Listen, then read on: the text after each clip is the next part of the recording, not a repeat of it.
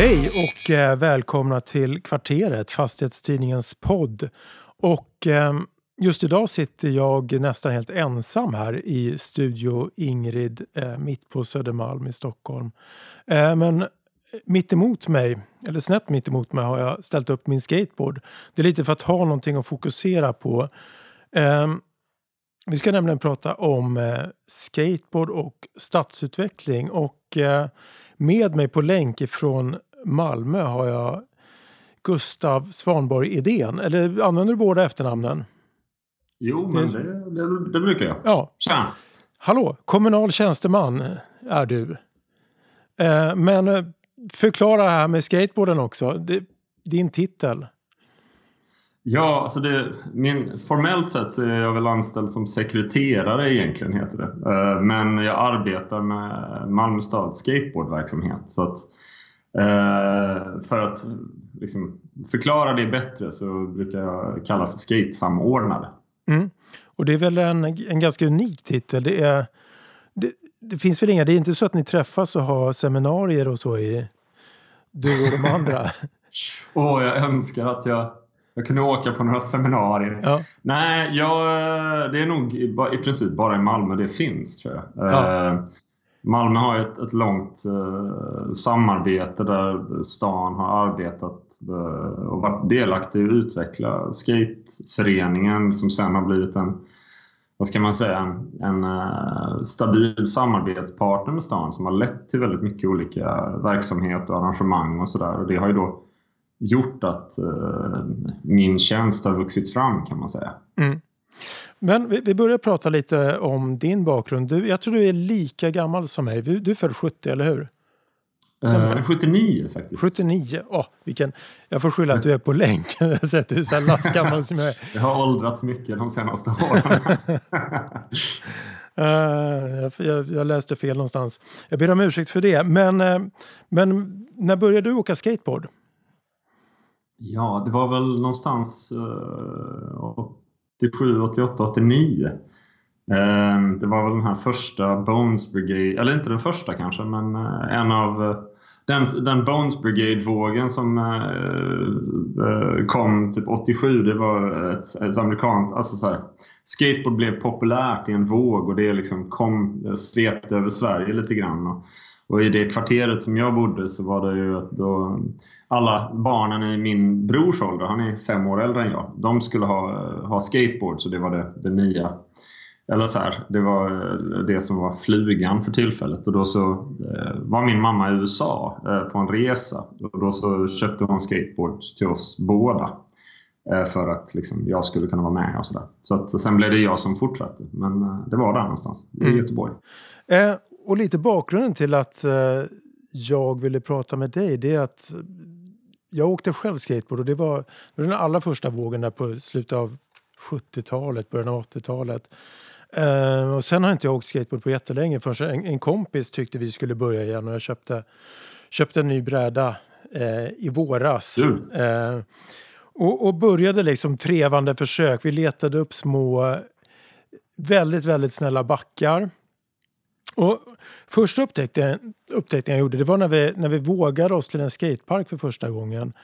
Och, ja, intressant. Ja, två, två väldigt, väldigt nervösa medelålders män med varsin skateboard under armen.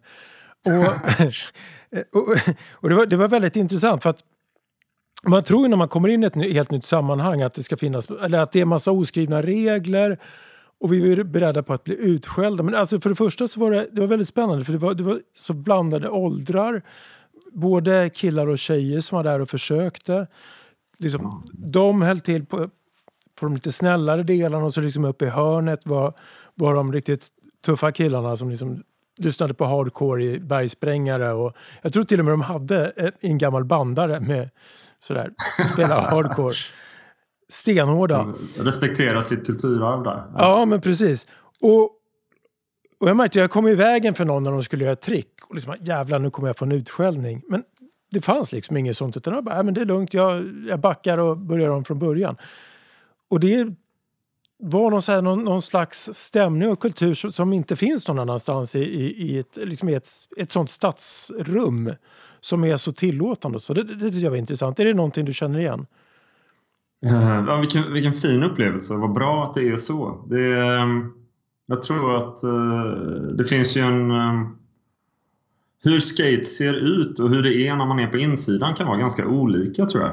Eh, att i och med att liksom skatare rör sig snabbt genom stadsrummet då om det är så kallad street skating eller om det då är på parker så, så är det ganska aggressivt och det är mycket så här känslor på utsidan och eh, ofta killar då som kanske vet, tar av sig tröjan och åker eller om någon är arg så kastar de brädan och sådär. Så att om man, om man har ett, ett visst avstånd till, till den miljön så kan det ju se ut som att, som att det där är en aggressiv zon där man inte är välkommen. Men um, skateboard är det, man kan kalla det egenorganiserat. Alltså att man, det är organiserat men man åker individuellt. Så att skaterna är ju där för att hänga tillsammans men åka själva.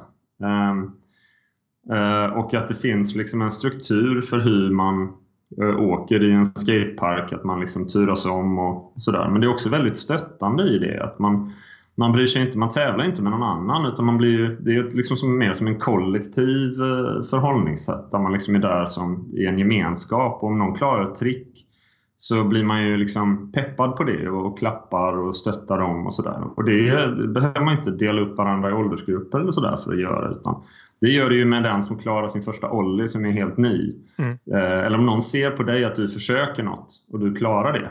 Då blir de glada när du klarar det och ger dig backning i det. Ja.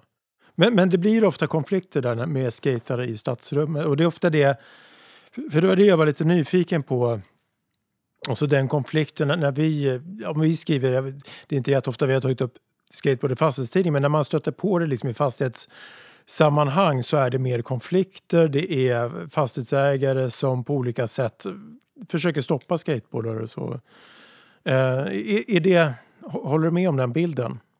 Ja, alltså det här handlar ju lite om, om, eh, vad ska man säga, det sociala kontraktet för användande av offentliga rum. Alltså kanske inte ska säga sociala kontraktet för då blir politiska filosofer eh, eh, börjar de tänka på fel sätt.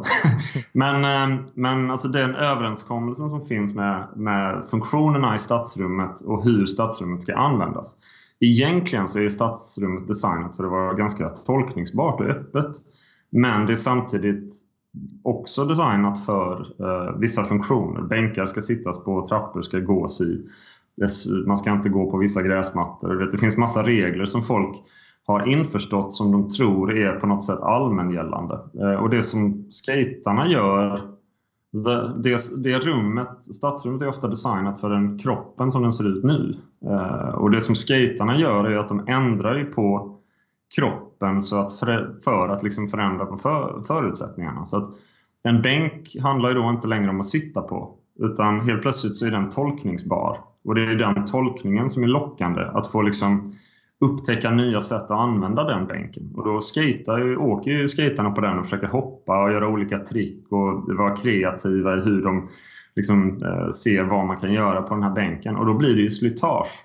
Men för folk som då ser att den här bänken är byggd för detta. Eh, den, eh, de, för dem så ser det ut som slitaget är syftet.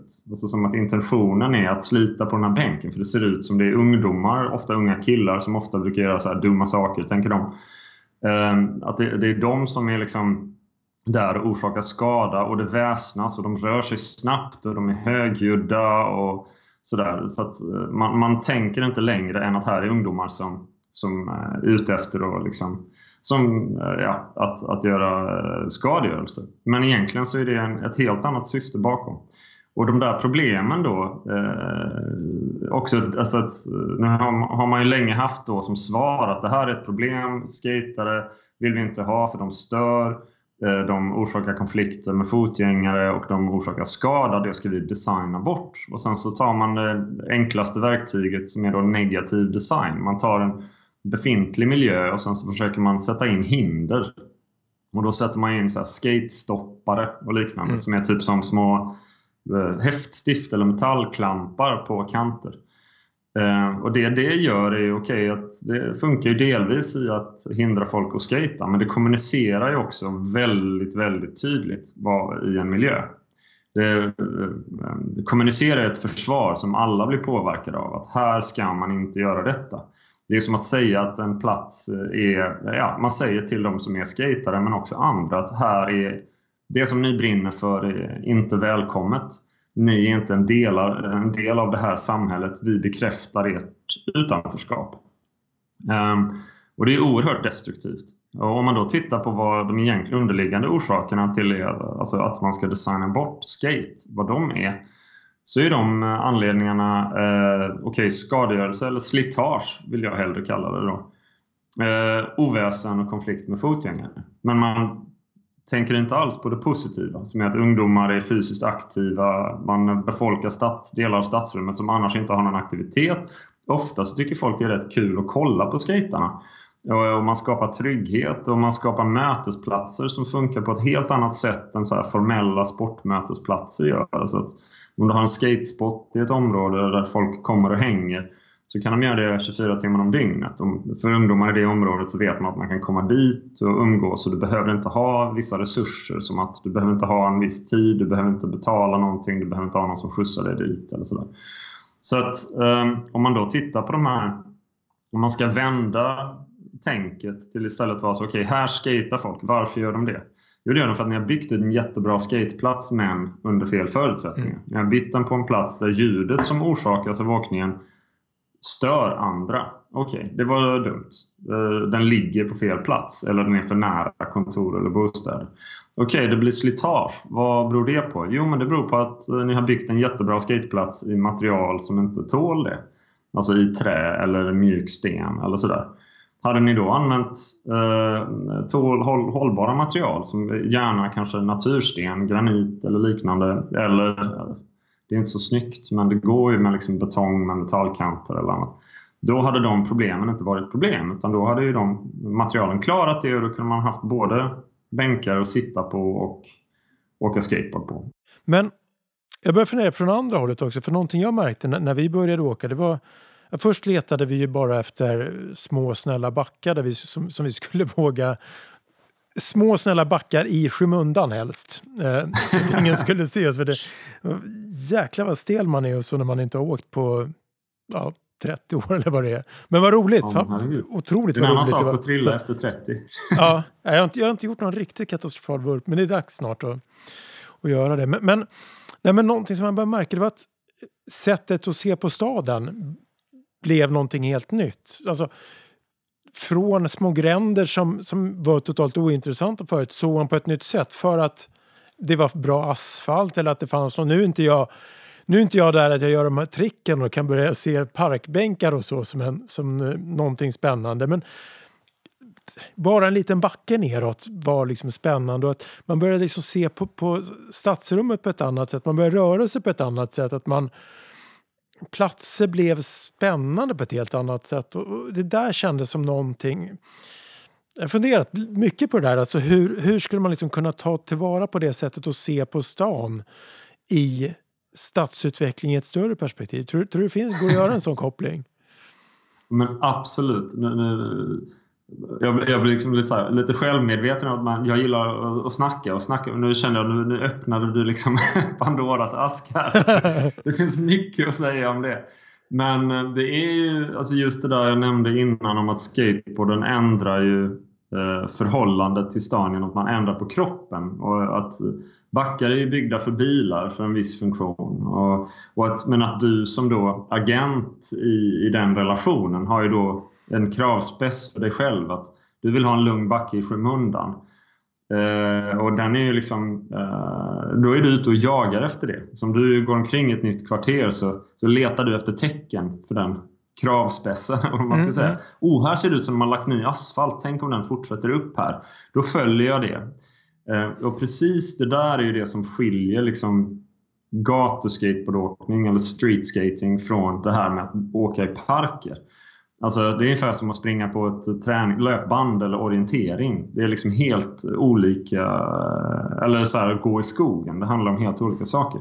Jag tror det är att... att eh, eh vad ska man säga? Om man ska göra en evolutionär analys så kan man säga att vi, våra städer är byggda för att tillfredsställa våra behov av att göra det enklare för oss själva. Alltså mindre mer reward för mindre effort. Så mm. ju bekvämare det är desto, desto bättre är det. Vi vill alltid ha det mer bekvämt för att det är liksom en drift som har fått oss att överleva evolutionärt då om man ska säga så.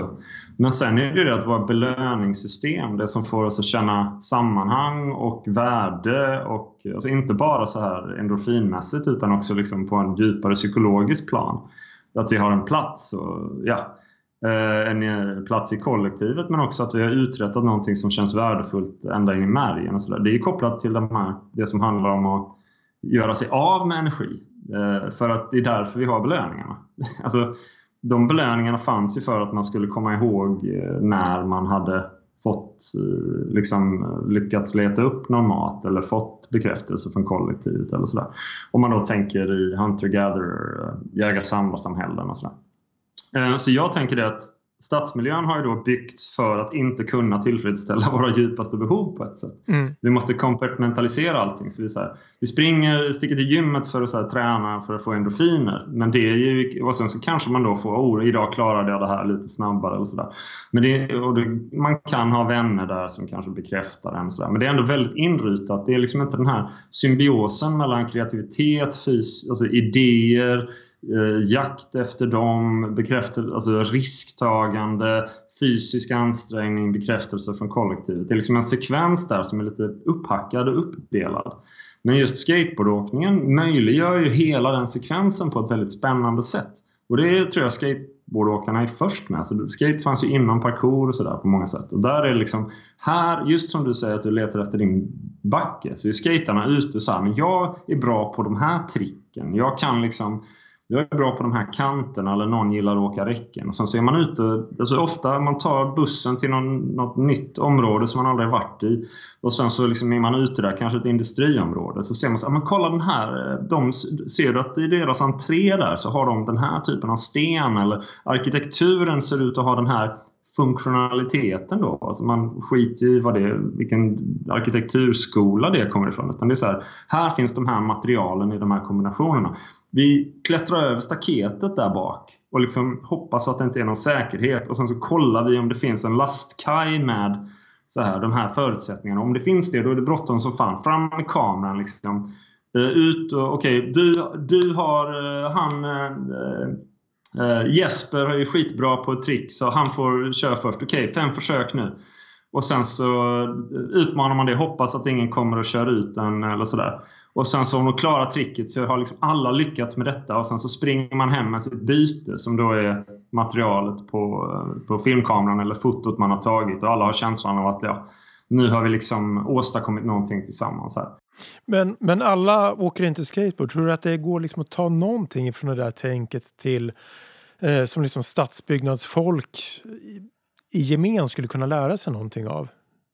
Men jag, tror det, alltså jag tror att de här instinkterna lever i människor. Det går inte, alltså om man tittar på hur, hur barn eh, leker så är det många som leker i att hitta på nya lekar. Det är liksom det som är lekande på många sätt. Mm. Det här liksom, men vi har ju haft, eh, levt en historisk period där vi har velat distansiera oss från, alltså i industrialismen och tidigare så, där, så har det ju, när människan har levt närmre djuren så har vi, vi velat distansera oss eh, från eh, naturen så att allting har, vi har liksom haft eh, de högre drifterna och vi ska inte vara djur och vi är civiliserade och så vidare. Jag tror att det har ju drivit samhället och städer och så vidare i att handla om just det här, dela upp det. Alltså att dela upp olika funktioner till olika platser för annars är vi liksom bestialiska eller så vidare.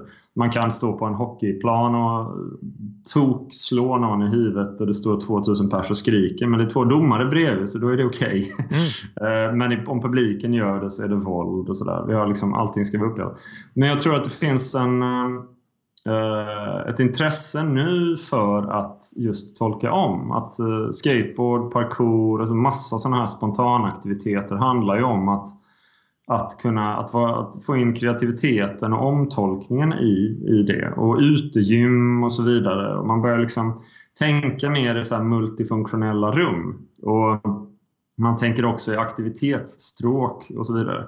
Att man liksom har ett utegym här, en springslinga här, ett utegym till med annan funktion för en annan målgrupp. Man har eh, du vet, så här, man tänker i staden vad man ska aktivera. Men det är fortfarande så att man tänker i, i punkter mycket. En funktion på en plats och sen så ska vi göra ett pärlhalsband av det och så ska alla röra sig här och så vad fint det blir då.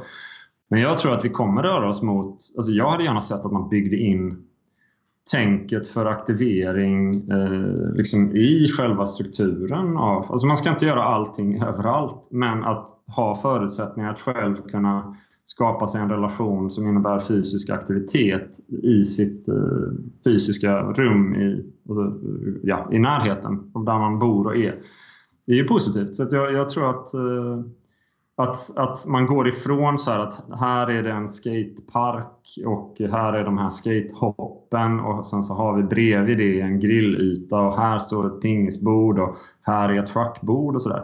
Så tänker jag mer att man börjar tänka i rum som att vi gör en eh, Eh, vi slänger in den här funktionaliteten i den eh, arkitektoniska kreativa processen. Eh, och sen så bygger vi en rumslighet där de här funktionerna kan tolkas in men att man samtidigt vet hur man gör det bra. Så att det är, en, det är jättesvårt att bygga en bra skateplats till exempel.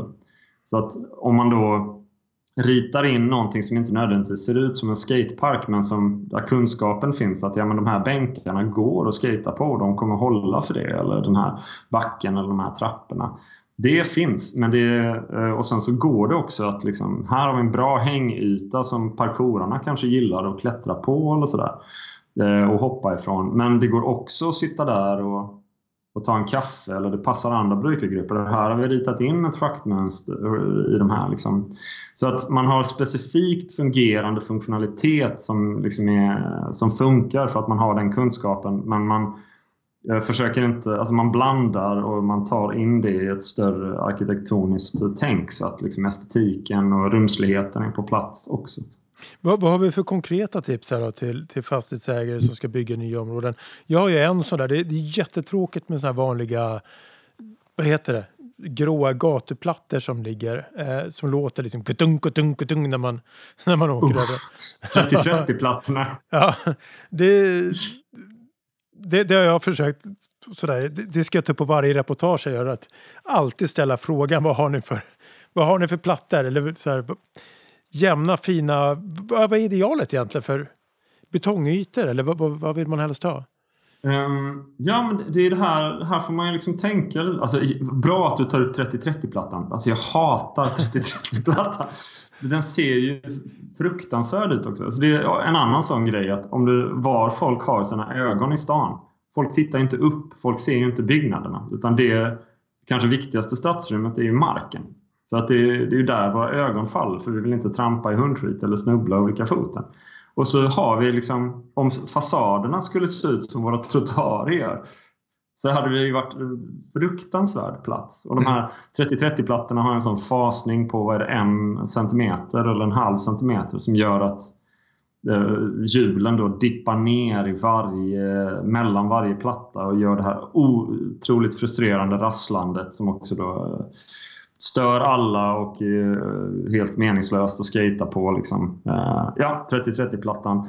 Det finns tusen andra alternativ. Hela Londons gator är gjorda i större plattor med betydligt mindre skarvar och det är inte, sannolikt inte dyrare utan det är bara andra val och så vidare.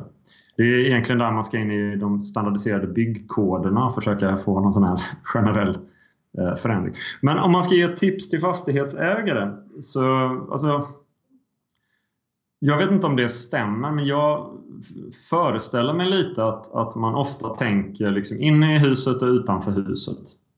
Och sen så tänker man att det, det ska vara fint och sen så ska det, vi ha någon funktionalitet. Vi ska ha en lekplats och vi ska ha någon grill och vi ska ha någon rabatt eh, och så vidare. Eh, och sen så tittar man ganska, fortfarande ganska mycket ovanifrån. Alltså, vi ritar ju hus från ett fågelperspektiv och områden och sådär. Men livet sker i, i på markplan, i, i, liksom, i kroppsperspektiv. Och där så behöver de här fasaderna som står nere, på, alltså som vi möts av.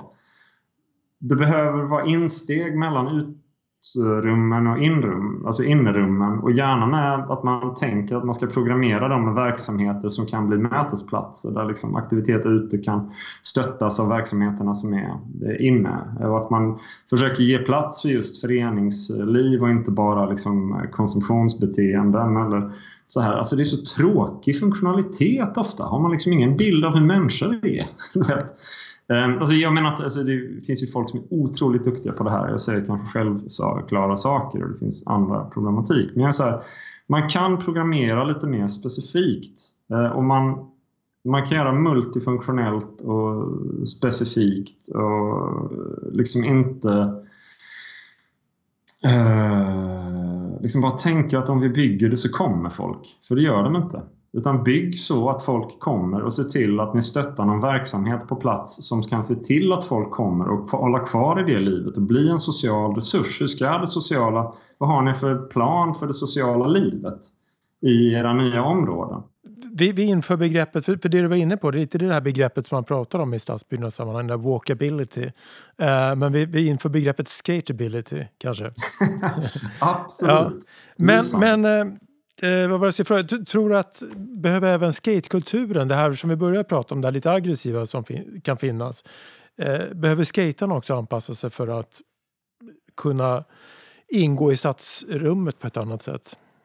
Ja men verkligen. Eh, skateboard har ju levt i liksom en dubbel eh, dubbel verklighet kan man säga. Att, att skaterna har ofta omtalat sig själva som att skate är så kreativ och öppen eh, kultur och sådär. Men i verkligheten har det varit extremt mansdominerat och eh, extremt kritiskt och icke-accepterande. Och det är väl också just det här att, att skaterna har varit väldigt kritiska mot allting som har varit så att säga mainstream är väl det som har fått den kulturen att bibehålla sin identitet. Men om man tänker i, med hur skate funkar på olika platser så är det ju så här Skater tar ju över en plats väldigt lätt.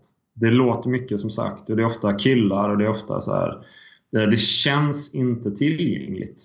Eh, och ofta så är det inte så mycket tjejer som man hade önskat. Eh, även om det håller på att ändra sig i rasande takt nu. Ehm, så att eh, vi har ju jobbat väldigt mycket med det. Vi har ju, eh, I vårt jämställdhetsarbete så har vi eh, liksom, eh, ser vi till att alla våra tävlingar så är vi alltid tjejer och killar representerade. Vi har lika mycket prispengar, lika mycket resebudget, lika mycket allting. Och vi, vi synliggör tjejerna i, i de sammanhangen. Och vi har också då arbetat med, eh, nu i år så var vårt stora arrangemang till exempel konferensen Pushing Borders som handlar om att samla skatemedia, skatekultur, eh, NGOs, eh, eh, och akademiker som forskar om skate från hela världen för att ses och, och liksom lyfta ja, att vara självgranskande och liksom ifrågasätta problem inom skatevärlden och synliggöra dem men också arbeta för utveckling och så vidare. Eh, så att vi, vi är en, en, en, eh, aktiv part i det arbetet.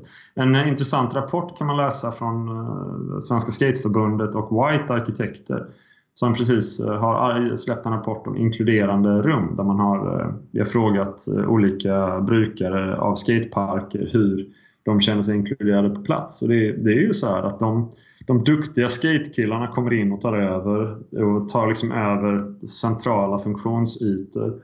Och beroende på hur då parkerna är designade så andra brukare får vara där vid andra tider eller hitta andra ytor men det är svårt, alltså det kräver mycket otroligt mycket socialt självförtroende att liksom kliva in i det där sammanhanget och, liksom, och status och sådär. Det är en designfråga igen, att hur man bygger inkluderade rum och sen också en uh, kulturfråga hur vi och våra skateföreningar i liksom, industrin arbetar med att eh, ja, till exempel som Bryggeriets gymnasium eller liknande institutioner arbetar med att synliggöra de här dynamikerna för skaterna. Hur kan vi vara mer inkluderande? Hur kan vi liksom lära skaterna att förstå sin egen makt eh, och olika maktförhållanden på olika platser och så vidare.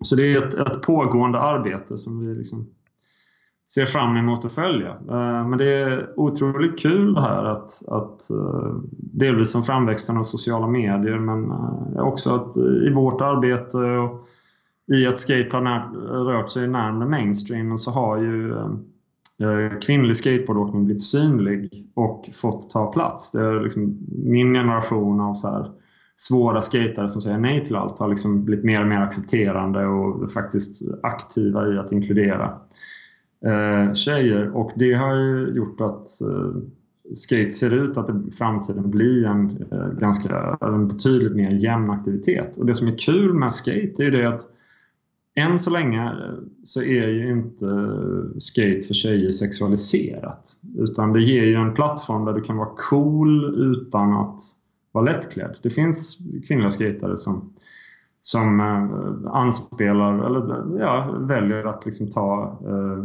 anamma den, den makten. Och det har de ju rätt att göra. Eh, men många gör det inte. Och du kan liksom vara cool, ha en identitet, ha en personlighet. Var, du kan vara väldigt mycket inom skatevärlden som inte bara är att du är duktig på att skata liksom, utan du kan vara kreativ, du kan liksom vara fotograf eller ja, intresserad av olika saker. Men att, ja, att, eh, men att trycket inte kanske, förhoppningsvis inte är att du ska vara sexualiserad på samma sätt utan du kan vara cool på andra vis. Eh, och det tycker jag är väldigt spännande. Ja. Man hoppas ju att det kan fortsätta vara så framåt. Liksom. När, när, du är inne på en sista mm. fråga när du pratar inkludering. Eh, ålder. Eh, eftersom jag började med att nästan åldershåna dig här, eller jag försökte dra med dig i min, i min, i min egen undergång. Eh, kan, man, kan man åka skateboard efter 50? Uh, ja, Snälla säg ja! det, det, fanns, det fanns en 70-årig skejtare nu för några år sedan som vi firade att han fyllde 70. Det finns proffs som är 50. Uh, eh, jag tror Bucky Lasek som vann Värtattack förra året. Han är väl börjar närma sig 50 nu. Jag fyller 40 nu i år eh, snart. Eh, och jag tror att eh, det kan man absolut. Det handlar ju, det roliga, eller det, det är klart att egot kan få sig några törnar. Men eh, det finns ju olika typer och olika sätt att vara duktig på skate. Du kan ju, du kan ju liksom ha en bra stil där det är gött gung eller någon typ av uttryck som syns. Även om tricken inte är så imponerande. Det finns också så här, om du inte hoppar ut för lika stora trappor kan du vara mer teknisk. Eh, och den, de muskelminnesutvecklingen fortsätter väl ändå delvis. Alltså, eh, och så. Så att jag tror att man kan... Det finns sätt, alltså, i och med också det här att liksom man filmar eh, och, och kommunicerar sig själv som skatare till andra skatare. Det kan du göra. Du kan också kommunicera att du är en 50-årig skatare. Det är en värd historia att berätta. Det är ju liksom som att när Stones släpper ett nytt album så är det inte någon som sitter där ah, men jag tyckte Sympathy for the Devil var bättre.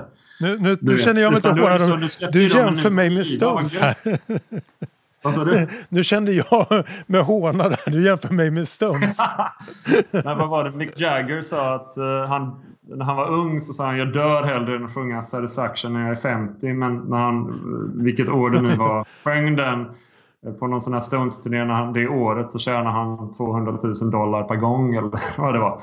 Så att liksom världen ändrar sig. Nej, jag menar du inte. Eller så här, vad fan. Man kan åka skate så länge man vill och funkar. Däremot ska man vara akut medveten om att om man inte har om man inte har trillat på tio år Eh, eller sådär. Så är det en annan sak att trilla nu. Eh, och sådär. Jo, det är lätt att saker går sönder som inte blir, blir bra igen. Och sådär. Så att jag kan rekommendera att man tar ett yogapass eller sådär. Och den, eller innan, innan man ger sig ut. För att eh, jag vet inte, redan efter 30 där så händer det mycket. Liksom. Men eh, jag, alltså, jag hoppas att du skejtar när du är 50.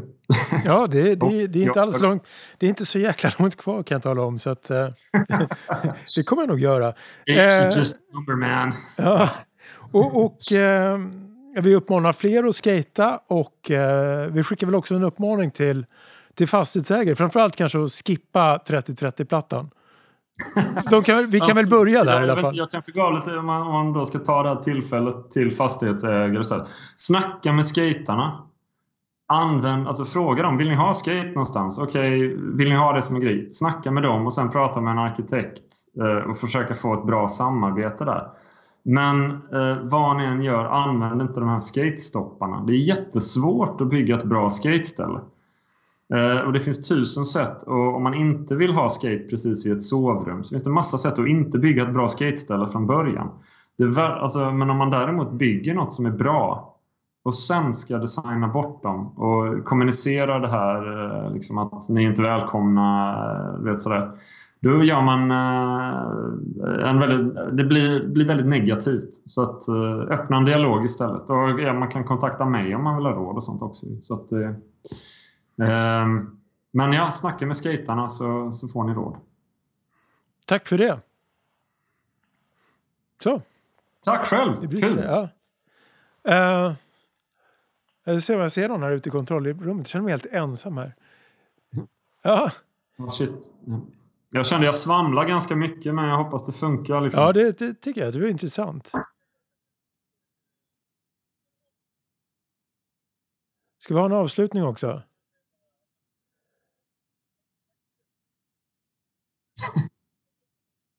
Ja. Ska vi, ska vi hitta på en avslut?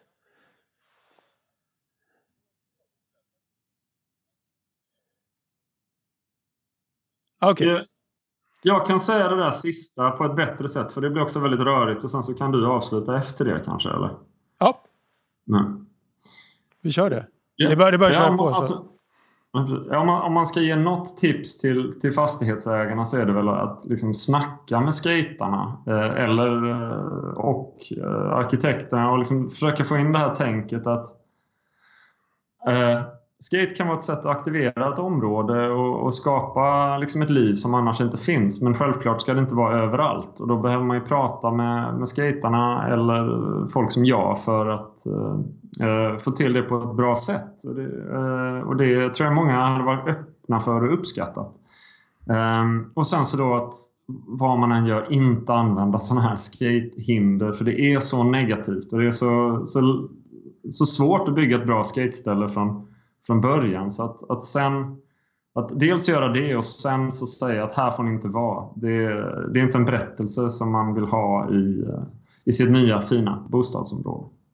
Vi hoppas att alla som lyssnar tar till sig de tipsen och eh, vi tackar för det här avsnittet av ett väldigt skatevänligt kvarteret utan eh, skatehinder och eh, vidriga 30-30-plattor.